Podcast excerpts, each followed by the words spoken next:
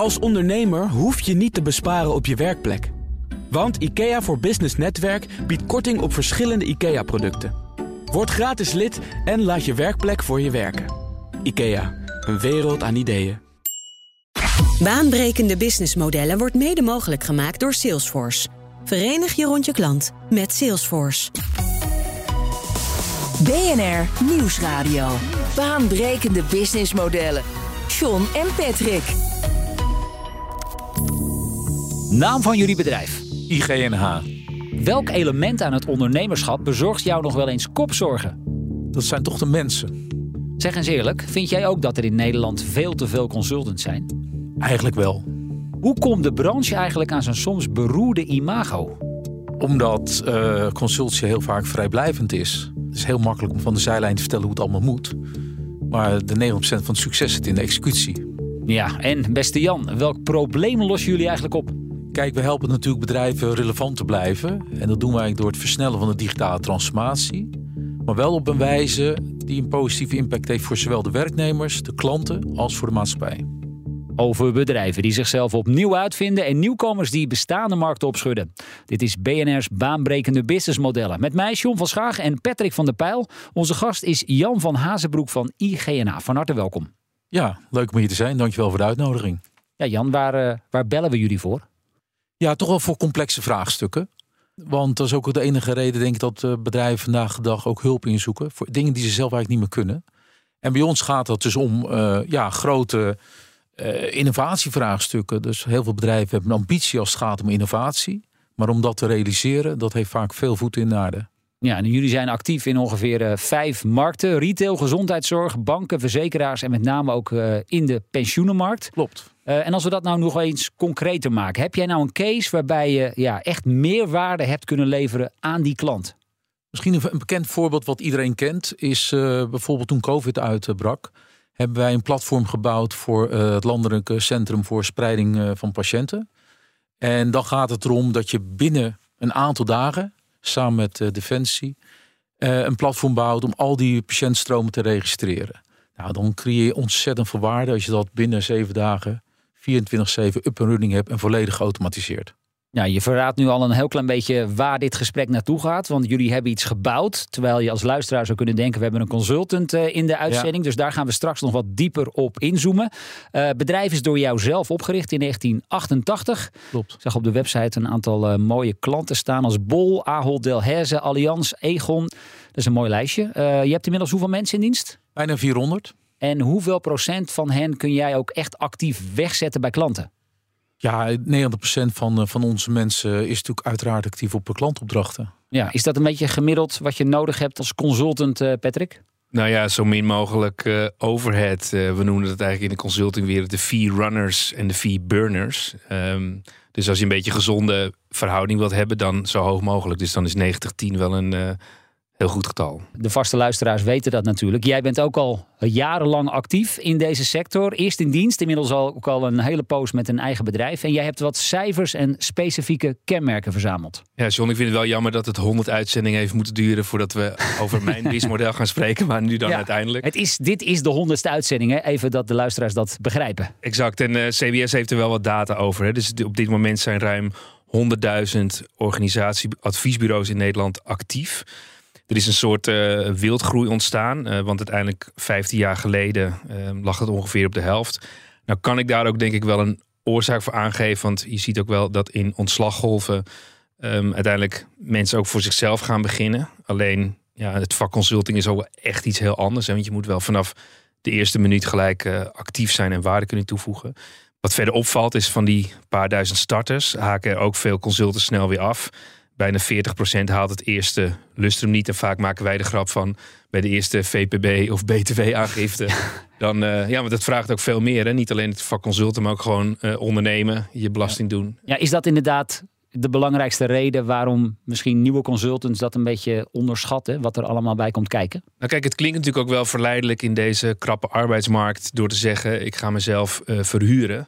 En, um, maar ja, het, het, bouwen van een bedrijf en bijvoorbeeld ook in een omvang zoals IGNH.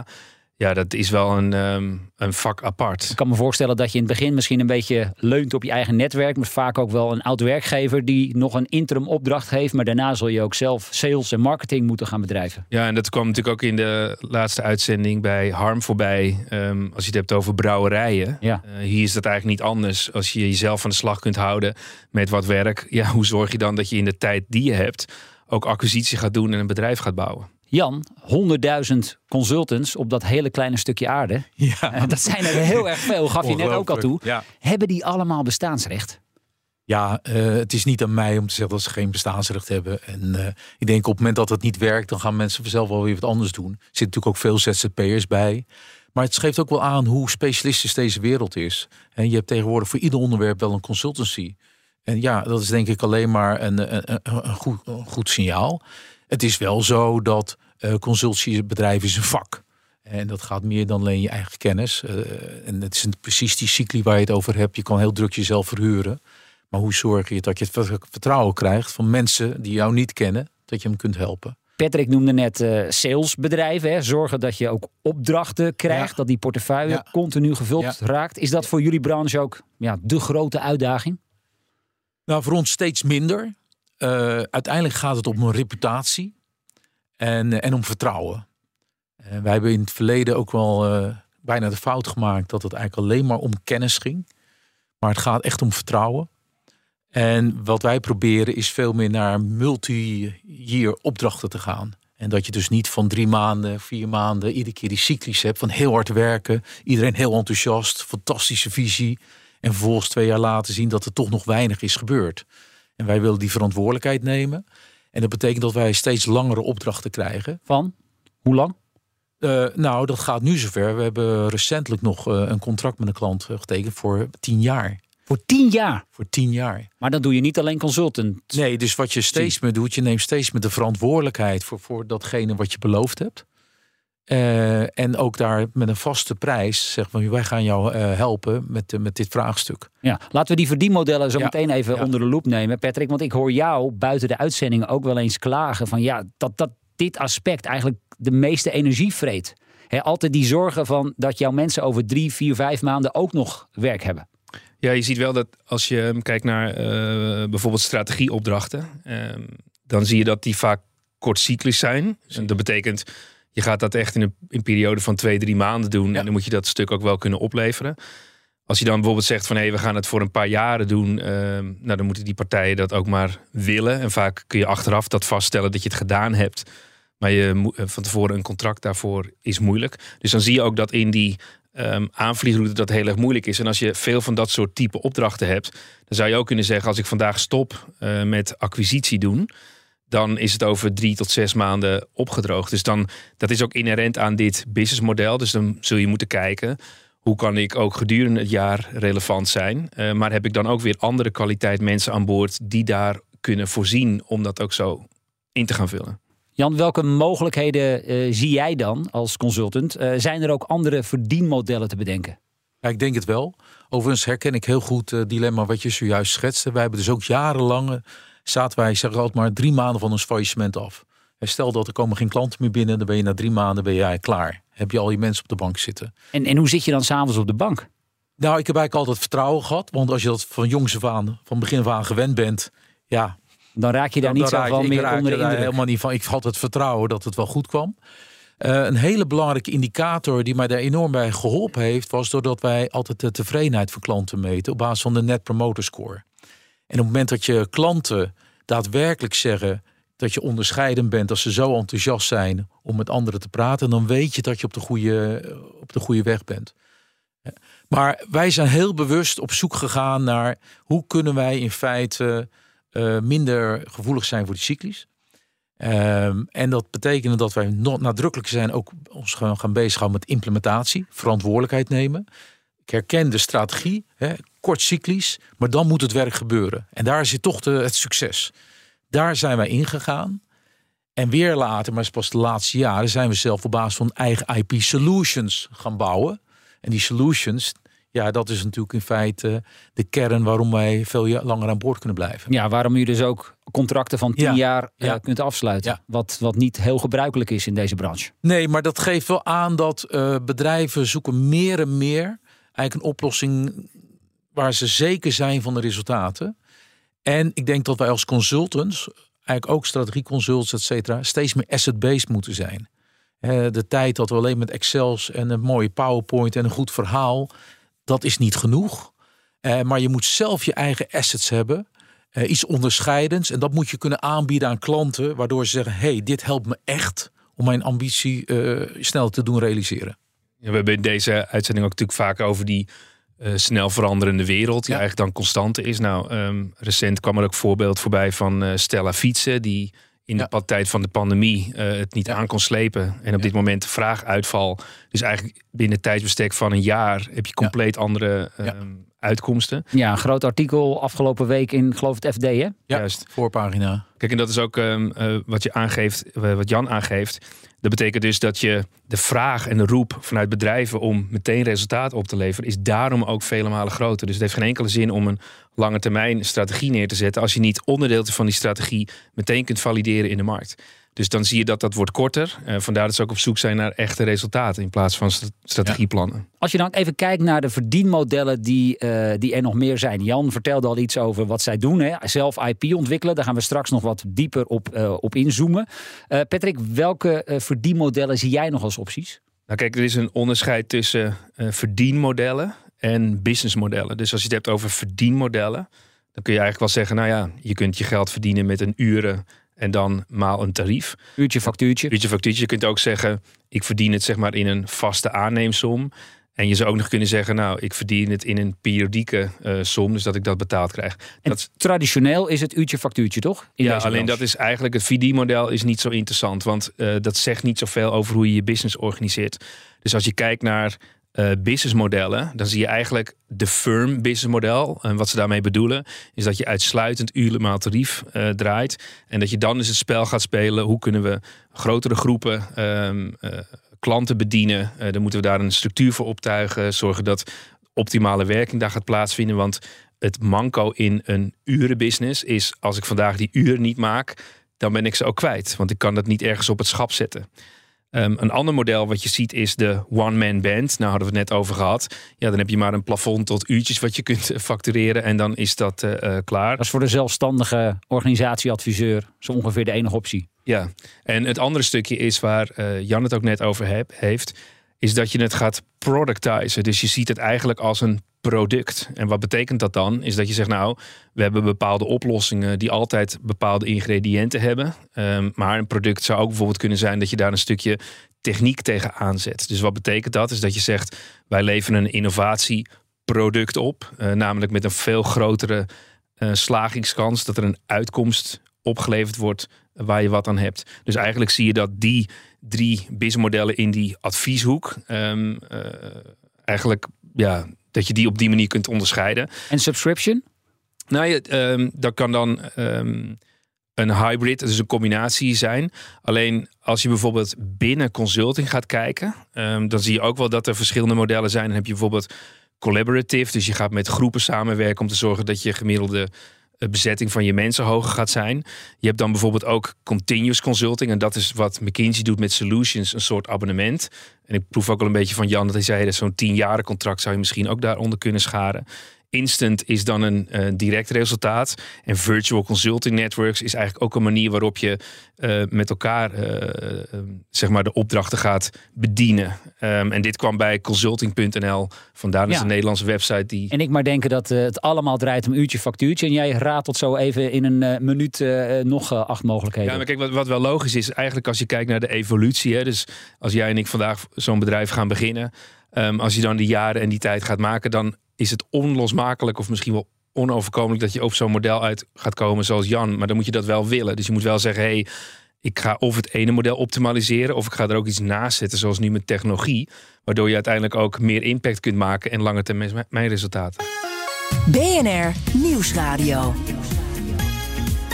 Baanbrekende businessmodellen Met deze keer het businessmodel van de consultant. Straks vraag ik onze gast op welke manier intellectual property zijn bedrijf stabieler laat groeien. Maar eerst Patrick, er is nieuws over Netflix. CEO Reed Hastings stopt ermee na 20 jaar. Ja, alleen hij wordt wel chairman uh, van zijn bedrijf. En hij gaf zelf aan dat hij langer bezig is met de opvolging. De dagelijkse leiding komt in handen van Ted Sarandos en Greg Peters. En dat maakte ze vorige week bekend bij de presentatie van de jaarcijfers. En over het businessmodel van Netflix hebben we het vaker gehad. En dat is ook wel een mooie aanleiding om het eens even over de cultuurlessen van Hastings te hebben. En ik vond een filmpje van een paar jaar geleden met zijn vijf belangrijkste regels. The first lesson is no rules rules. We don't have a vacation policy. You take whatever you want. We don't have an expense policy. You spend as you think appropriate. Ja, regel 1 dus. Uh, vermijd regels zoals vakantiedagen en onkostenregelingen. Ja, hij zegt dat is allemaal gedoe en geef mensen veel meer de vrijheid. En daarmee kom je dan automatisch bij regel 2. Handel altijd in belang van het bedrijf. Uh, en laat mensen dat dan gewoon zelf doen dat is interessant. Ik weet dat uh, Bas van der Veld van AFAS uh, ook een, uh, een, dergelijke regel heeft opgesteld.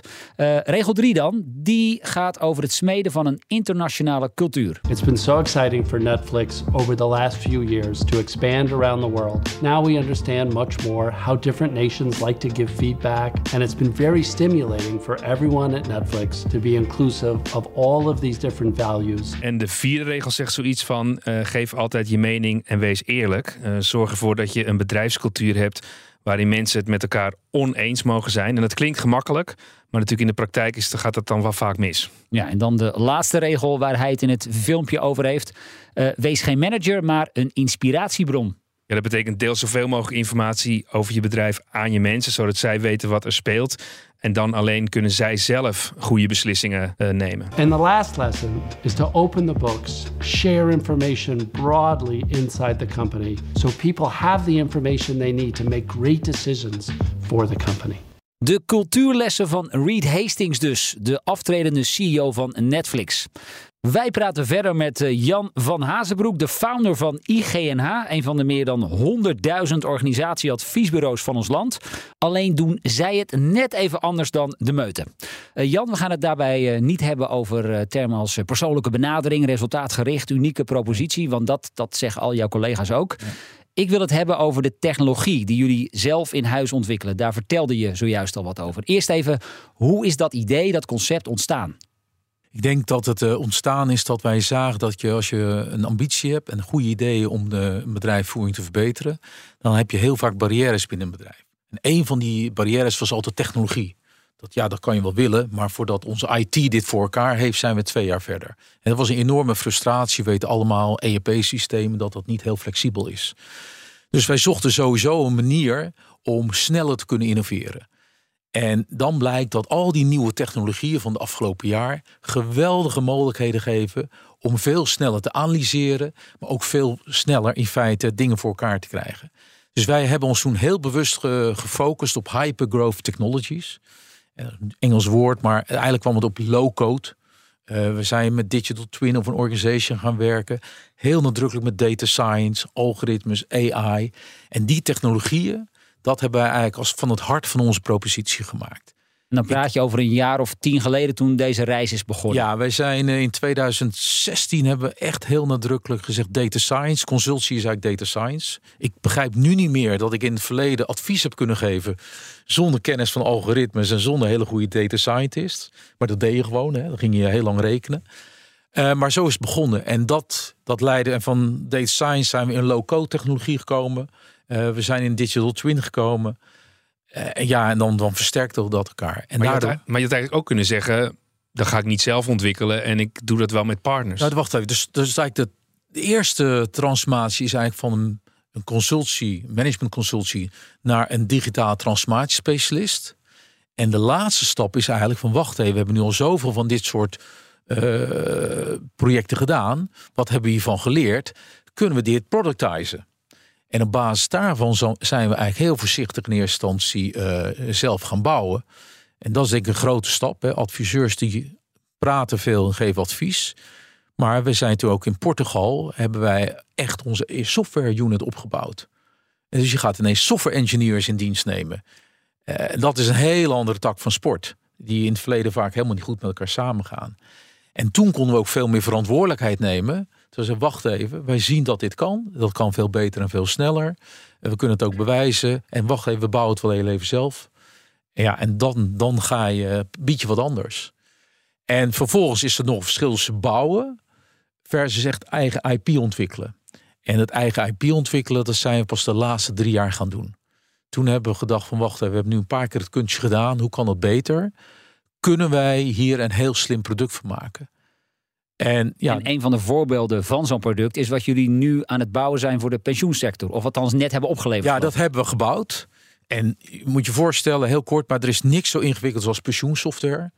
dat het heeft over security, het gaat over miljoenen mensen, het gaat over geld. Als dat niet goed geregeld is, het verandert ook iedere dag. Mensen scheiden, de wetgeving verandert. Dus nou, we kennen allemaal de, de pensioenwetgeving. We staan de vooraan van een nieuw pensioenbestel. Wij hebben op basis van die nieuwe technologie, die hele complexe legacy, hebben we ontrafeld en hebben daar een nieuw platform voor gebouwd. Zo dat eigenlijk, ja, too good to be true.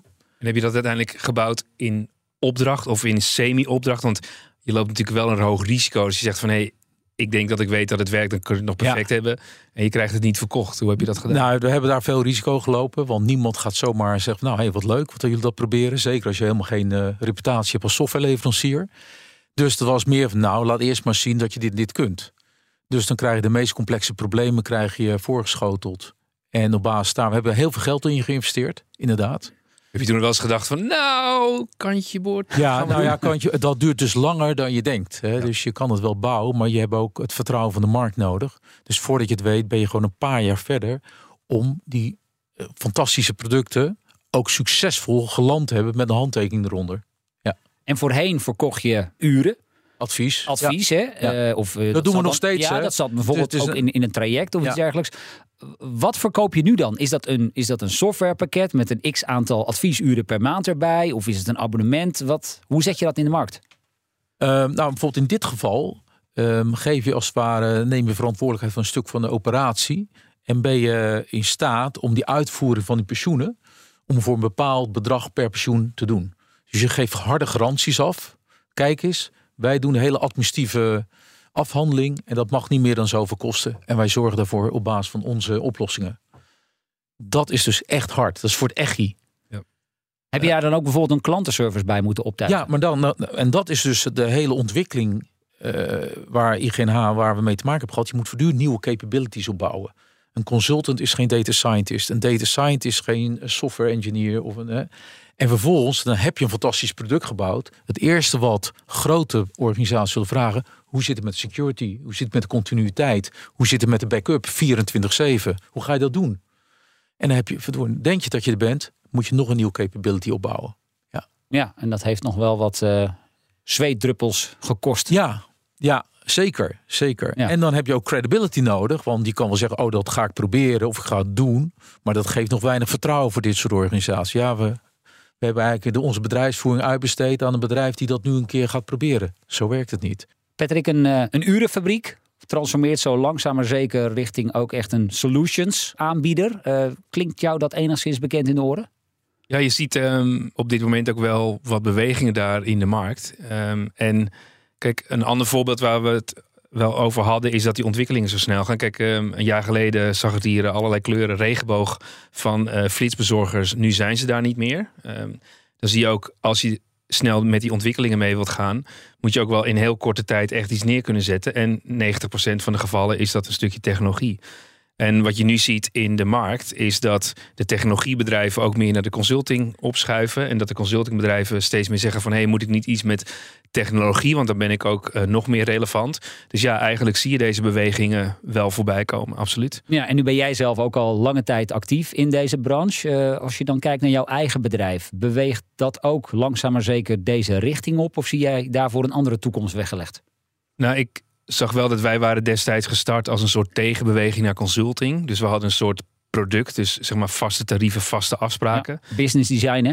Ja, alleen het mooie was, daar gingen we knijterhard werken en eh, heel snel dingen opleveren. Maar op een gegeven moment zei uh, bijvoorbeeld IKEA, ja, uh, we kunnen niet vaste afspraken hebben, wel, dus moet met uren maal tarief. Dachten we, oké, dat moeten we ook doen. Maar zelfs dat is toch een iets ander DNA. Weet je wel? Dus dan word je voor je tijd betaald in plaats van resultaten.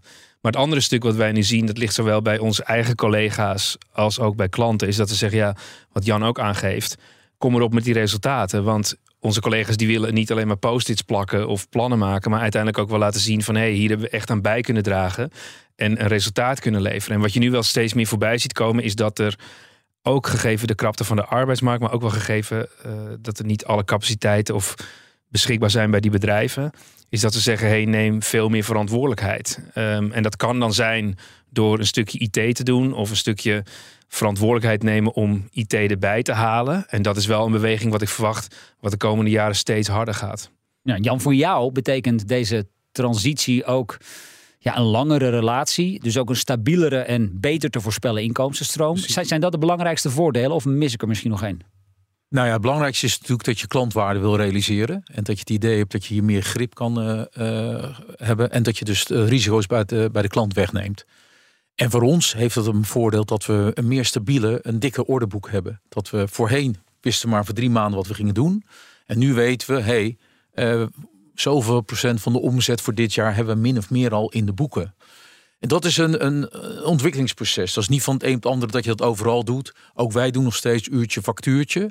Maar we hebben bijvoorbeeld ook in, in retail uh, product ontwikkeld die hen helpt beter te voorspellen. En minder downturn, et cetera. En ja, dat is een heel goed softwareproduct blijkbaar. En dus nemen ze een licentie. En voordat je het weet, ga je praten over SaaS-oplossingen. Uh, en bijvoorbeeld als dan um, een opdrachtgever naar jullie kijkt, dan ben ik benieuwd naar. Kijken ze dan naar jou als een, een softwarebedrijf? Of kijken ze naar jou als een bedrijf die in staat is om zaken op te lossen? Of een versneller? Of, of een adviesbureau? Ja. Nou, dat is, dat is dus het unieke aan onze propositie. Van dat roept natuurlijk vragen op. Maar wij hebben heel duidelijk gekozen voor een geïntegreerd model. Overigens zie je ook dat een aantal hele grote strategy consultants allemaal ook gaan voor het asset-based. Dat we, je hebt gewoon building blocks nodig om de klant sneller te helpen. En, en, en die asset base, dan bedoel je? Iets van jouw eigen IP. Dus ik weet dat jij fantastische boeken hebt geschreven. Daar heb ik echt met heel veel plezier gelezen. Maar je zou ook kunnen zeggen, hey, kan ik daar een softwareproduct van maken? Kan ik daar een, een SaaS-product van maken? Een subscription voor niet te veel. Zet het in de cloud. En dan kunnen heel, heel de wereld kan van die boeken genieten. Dat is al een eerste vorm waarop je gaat productizen. Maar jij zegt in feite, de Accentures van deze wereld zijn hier ook mee bezig. Nou, er is wel een verschil dat uh, sommige. Het is niet om uh, mij om over dit soort partijen te praten. Er zijn natuurlijk ook bedrijven die zeggen: hey, we gaan geen software zelf ontwikkelen. Uh, dus, of gaan zeker niet verkopen. Maar IGNH, we need to run a different race. Wij zijn geen uh, club met de 300.000 mensen wereldwijd. Wij moeten het op onze eigen manier doen. Wij moeten gefocust zijn in een paar sectoren. Wat wij doen kan je ook alleen maar in een paar sectoren waar je echt verstand van hebt. En wij doen het op deze manier. Dus ik vind uh, de, de strategie die wij volgen is misschien automatisch helemaal niet de strategie die anderen moeten volgen. Maar voor ons, wij denken dat dit past. En dat krijgen we ook terug uit de klantfeedback. Je ziet bijvoorbeeld dat een uh, Boston Consulting Groep, zo'n BCG, die heeft ook een venture studio. En een oud klant van ons, die, is daar, uh, die staat daar aan het roer. Wat ik daarbij soms moeilijk vind vast te stellen, wat voor opdrachten daar nou precies in zitten. Um, uh, maar wat wel interessant is, is dat. Kijk, maar wat bedoel je daarmee? Wat voor opdrachten daarin? Nou, kijk, er wordt wel hard geschreeuwd van we zijn dit aan het doen en dat aan het doen. Maar is het dan echt eigen IP? Is het echt in eigen beheer? En gaan die ook echt uh, resultaat opleveren. Dat is van de buitenkant moeilijk uh, te zien. Maar wat je wel ziet is dat het ook steeds meer gaat naar kant-en-klare oplossingen. Kijk, je kunt je voorstellen als jij een groot bedrijf bent, die zegt ik ga een SAP-implementatie doen. Dat gaat steeds minder het geval zijn, want je wil gewoon als bedrijf gewoon kunnen inpluggen. Dus het is wel logisch dat dat soort clubs ook naar veel meer kant-en-klare oplossingen toe zullen bewegen. Ja, dus in feite waar we het nu al uh, de afgelopen tien minuten over hebben gehad, is het gaat dan over het imago van de sector. Hè? Het feit dat jullie dure uren zouden verkopen. En aan het einde van het traject vragen opdrachtgevers zich af: wat heb ik hier eigenlijk aan gehad? En dat zeg jij, dat ging mij tegenstaan. Daarom hebben we deze omslag gemaakt. En dit is wat we nu dus doen. Ook die implementatie, het bouwen van producten. Dat gaat klanten tegenstaan. En je moet je laten leiden wat klanten willen. En inderdaad, als je in het verleden een SAP-implementatie deed, was je jaren bezig. En tegen die tijd dat al was, wist niemand meer hoe het werkte. En was eigenlijk de, de omgeving was veranderd. We moeten flexibel zijn. We moeten het heel snel kunnen doen. En een mooi voorbeeld is, we hebben vroeger in consulting was je maanden bezig om te analyseren. Nu heb je technologie die kan je aansluiten. En je ziet als een MRI-scan, zie je zo de bedrijfsvoering van het bedrijf, zie je voor je visueel en zie je precies waar het misgaat. Dat zijn allerlei vormen van moderne technologie, waardoor je veel sneller vooruit kunt en ziet: oké, en als ik dit ga veranderen, wat zijn dan de consequenties? En dat heeft jullie vak ook ingrijpend en blijvend Enorm. veranderd. Ja, dus veel minder uren van ons, waar je voorheen je geld mee verdiende. Ja, daar, daar, dat gaat nu automatisch bijna. He, dus je, nee, dat, uh, ook onze industrie is uh, aan disruptive onderhevig. Ja. ja. Jij was heel jong toen jij al op eigen benen ging staan ja. binnen deze branche. Ja. Geloof ik een jaar of 4, 25? Ja, klopt, ja. Je bent nu tegen de 60. Ja, zeg dat nou niet. Ja. Nou, ja. Ik, ik heb het al gezegd. Je ziet er nog goed uit, Jan. Ja. ja. Hoe zie je je eigen toekomst? Ben je al bezig met een soort je eigen exit-strategie? Uh, ja, daar hebben we zeker het afgelopen jaar echt voor stappen uh, gemaakt. Uh, wij hebben een, een, een gerenommeerde partner aan boord gekregen voor onze internationalisatie. En uh, dat heeft voor mij ook de mogelijkheid gegeven dat ik nog wat meer ja, ga in een rol van een soort supervisory board. En dat ik dagelijkse ja, sizzle, dat die heb kunnen overdragen aan een, uh, iemand met een enorme staat van dienst. En lukt dat? Want volgens mij ben jij iemand die tot in de details weet wat er binnen je bedrijf gebeurt. ja, ja dat, dat klopt wel, ja. ja. Uh, maar dat lukt als je vertrouwen hebt in, in, mensen. En ik heb wel altijd geleerd, juist omdat ik zo jong begin, be, uh, begonnen ben, ik moet mensen aannemen die sterker zijn en beter zijn dan ikzelf. Ik heb eigenlijk een achtergrond in consulting. Moet je voorstellen, ik heb jarenlang een voetbalcoach, uh, voetbalteam geleid. Maar het spel is veranderd. We zijn nu aan het hockeyen. En dan vind ik ook dat je de coach moet selecteren op zijn hockeyskills. En we hebben nu uh, ook een, uh, een, nieuwe CEO die veel meer ervaring heeft met uh, productizen, met internationalisatie. En dat is precies waar de speerpunten van de strategie van IGNA liggen. Tegelijkertijd zei jij helemaal aan het begin van ons gesprek, wat mij nog wel eens kopzorgen bezorgt. Ja. Dat zijn mensen. Is dat dan ook het aannemen van goede mensen? En mensen die misschien weggaan, dat je zegt ja, dat je daarmee zit. Alles draait om mensen. En, zeker binnen jullie branche. Ja, zeker binnen onze branche. En, en dan moet je ook echt authentiek zijn. En uh, dan moet je ook echt uh, interesse hebben voor de mensen. En een, uh, een bijdrage kunnen leveren aan hun learning curve. Um, en je geeft eigenlijk altijd nog te weinig aandacht aan al die individuele mensen. dus voor mij is mensen, dat is key. En vandaar dat wij ook ja, een initiatief als Great Place to Work. Hè, we zijn al jaren een Great Place to Work. Dat vinden wij absoluut een topprioriteit binnen IGNH. Om een Great Place to Work te zijn. En dat is de basis om goed talent aan te trekken. Hey, en dit is dan um, ja, een beetje stap 1 hè, van Ja. je afscheid. Langzaam maar zeker dus afscheid nemen van de dagelijkse Ja, oh, Ja, afscheid. ik, ik ga misschien nu een beetje snel. Maar ik denk toch al wel even vooruit. Er komt een moment dat ook jouw bedrijf in de etalage komt. Ehm, nou ja, ik geloof voor een organisatieadviesbureau doe je vier, vijf keer EBITDA. Jullie ontwikkelen ook eigen IP. Wat doet dat met de waarde van je onderneming? Ja, dan, dan is die waarde heel anders. Kijk, wat een, eh, uiteindelijk is het natuurlijk belangrijk. Wat nadeel van klassieke consulting was, van als je eventueel verkocht zou worden, lopen mensen weg, et cetera. En dat is nog steeds altijd hè, eh, relevant gegeven. Maar op het moment dat je natuurlijk een, meer een, een revenue stream hebt, die meer gegarandeerd is op basis van licenties of contracten, dan helpt dat. En die revenue stream die moet dan gebaseerd zijn op iets unieks. Eh, dus ik denk dat IP heel duidelijk daar eh, aan bijdraagt. En dan zie je inderdaad dat je inderdaad hogere waarderingen eh terugziet in de markt. Ja, Patrick, eh, tot slot van deze honderdste aflevering. Een aflevering ook over de branche waarin jij al jaren actief bent. Wat gaan we onthouden? Wat gaan we meenemen? Nou, ik denk wel dat je nu veel duidelijker de verbinding kunt maken ehm, van de snelle ontwikkeling in de markt en wat voor gevolgen dat heeft voor een, eh, een, een branche als dit. Omdat je natuurlijk was er altijd wel sprake van dat je resultaten moest laten zien. Ehm, alleen je ziet dat het veel meer gaat opschuiven, omdat ook daarnaast de wereld 90% uit eh, digitale oplossingen bestaat. Dus ik denk dat ehm, Jan heel vooruitstrevend was en eigenlijk al de troepen ver vooruit is. Eh, als je dat vergelijkt met de echte grote jongens, maar ook met de wat kleinere. Omdat je dan ziet, ja, je moet die disciplines bij elkaar hebben. Ehm, maar het vraagt ook wel, kijk, hij had ook de keuze kunnen maken door te zeggen: nee, we gaan uitsluitend in de firm, in dat businessmodel. Dus dan ga je groter en blijf je uren verkopen. Want kijk, als je geen affiniteit of interesse of zin hebt in dat IT-stuk, ga je dat natuurlijk ook niet doen. Dus eh, ik denk dat we moeten leren dat het steeds naar nog meer integratie toe gaat. En ook dat klanten uiteindelijk denken: ja, ik wil niet met al die partijen dat meer moeten managen. als jullie dat voor ons kunnen doen, eh, dan Ja. ben ik daar. eh, En ik wil niet een rapport wat eh, waarschijnlijk ergens in een diepe laag gaat verdwijnen. En waarover we twee jaar later nog eens denken van... oh ja, wat moesten we hier ook alweer mee? En dat kan wel, maar dan moet het echt van tevoren duidelijk zijn. In plaats Ja. van dat je dat achteraf vaststelt. Ja, ja. Nou ja, goed. ehm 100 afleveringen gehad. Op naar de 200. Ja, dat, eh, zonder moeite. Lijkt me wel, hè? Eh, Jan van Hazenbroek in ieder geval van eh, IGNH. Dankjewel voor dit gesprek. Patrick en ik zijn er dus volgende week weer. En wil je voor die tijd al meer luisteren? Nou, check dan zeker ook onze andere afleveringen... die je vindt op vrijwel alle bekende podcastkanalen. Tot volgende week. Baanbrekende businessmodellen wordt mede mogelijk gemaakt door Salesforce. Verenig je rond je klant met Salesforce. Als ondernemer hoef je niet te besparen op je werkplek. Want IKEA voor Business Netwerk biedt korting op verschillende IKEA-producten. Word gratis lid en laat je werkplek voor je werken. IKEA, een wereld aan ideeën.